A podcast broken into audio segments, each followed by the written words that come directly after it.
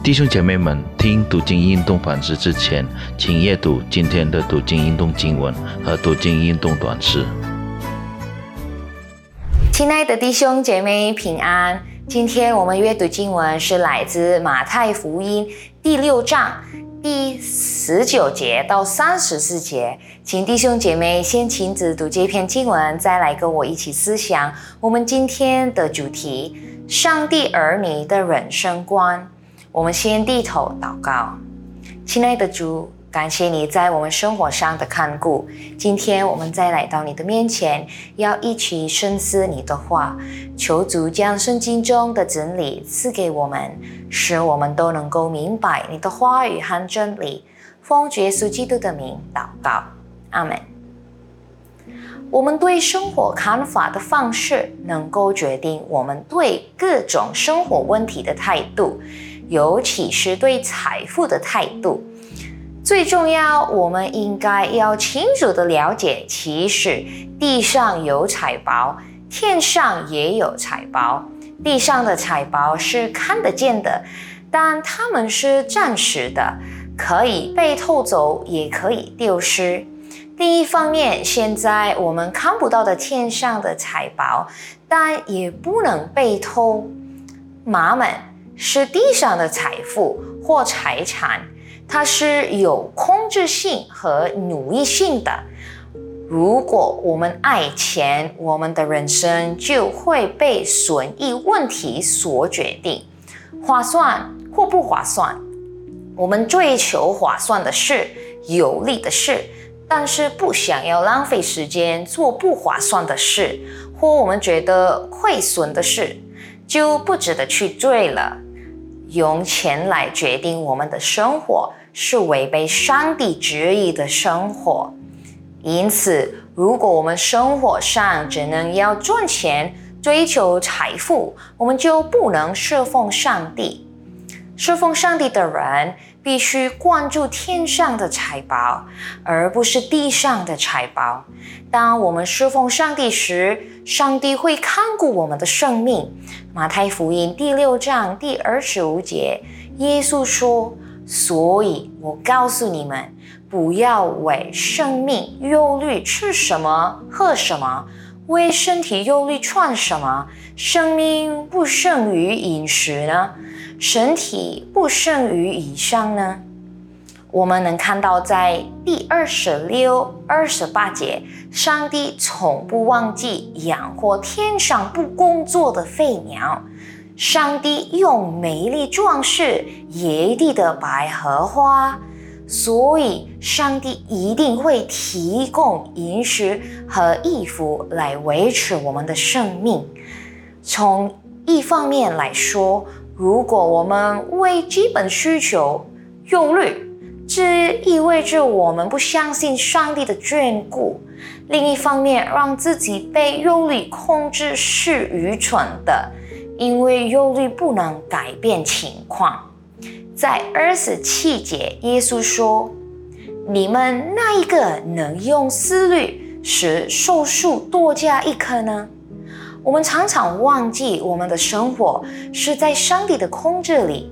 我们不知道什么时候被上帝叫回去，那为什么我们要一直想我们在世界上看不到的未来呢？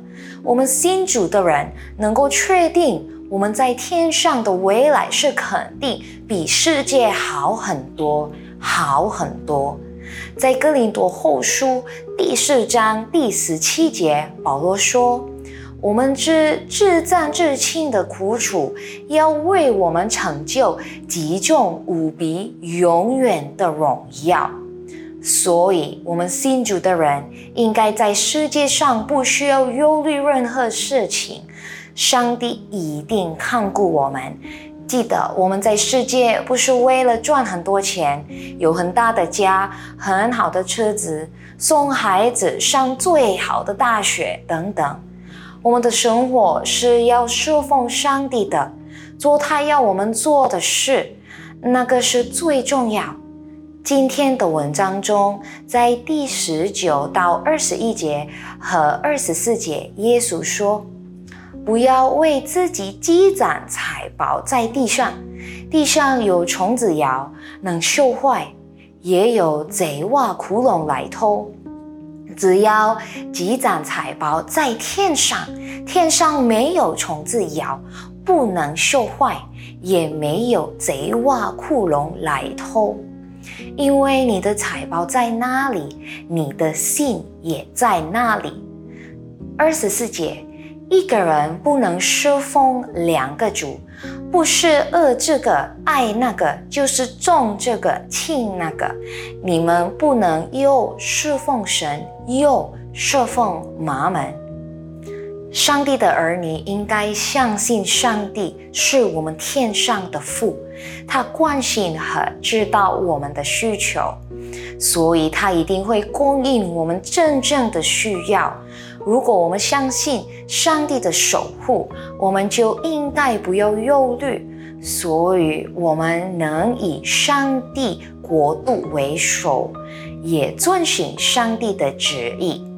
如果不认识上帝的外邦人，为这一切忧虑是可以理解的，因为他们没有保障，他们不知道他们生活是为了什么，所以就追求他觉得最舒服的生活，不理别人的需要，不理家人的需要。有人一直赚钱，孩子让别人照顾，没有教孩子认识上帝，好不去或不去教会。不读经，不跟其他教会的人一起团聚，因为非常的忙。这为什么呢？是怕生活会不够吗？记得我们是上帝的儿女，我们在天上的父肯定会看顾我们在地上的需要。所有发生的事是在他的手里，我们不用怕我们的未来，不需要忧虑。我们能够平平安安的生活，把上帝的需要为主，更深认识他，帮我们其他弟兄姐妹在基督里增长，包括包括我们自己的家人，这个是最重要。哥林多后书第四章第十七节，原来我们不是顾念所见的，乃是顾念所不见的。因为所见的是暂时的，所不见的是永远的。你相信除了地上的财宝，天上也有财宝吗？你相信上帝眷顾你、守护你的生命吗？你已经把忧虑交给上帝吗？你是否优先考虑上帝的国度，优先考虑通过你的生活实现上帝的旨意吗？我们一起低头祷告，主啊，感谢主，你是我们的天父，让我们能够真正把我们的生活在你的手里，相信你一定会照顾我们在这个世界上，所以我们能够实现你的旨意，把你的需要为主，奉主耶稣基督的名祷告，阿门。弟兄姐妹们，上帝与你们同在。再见。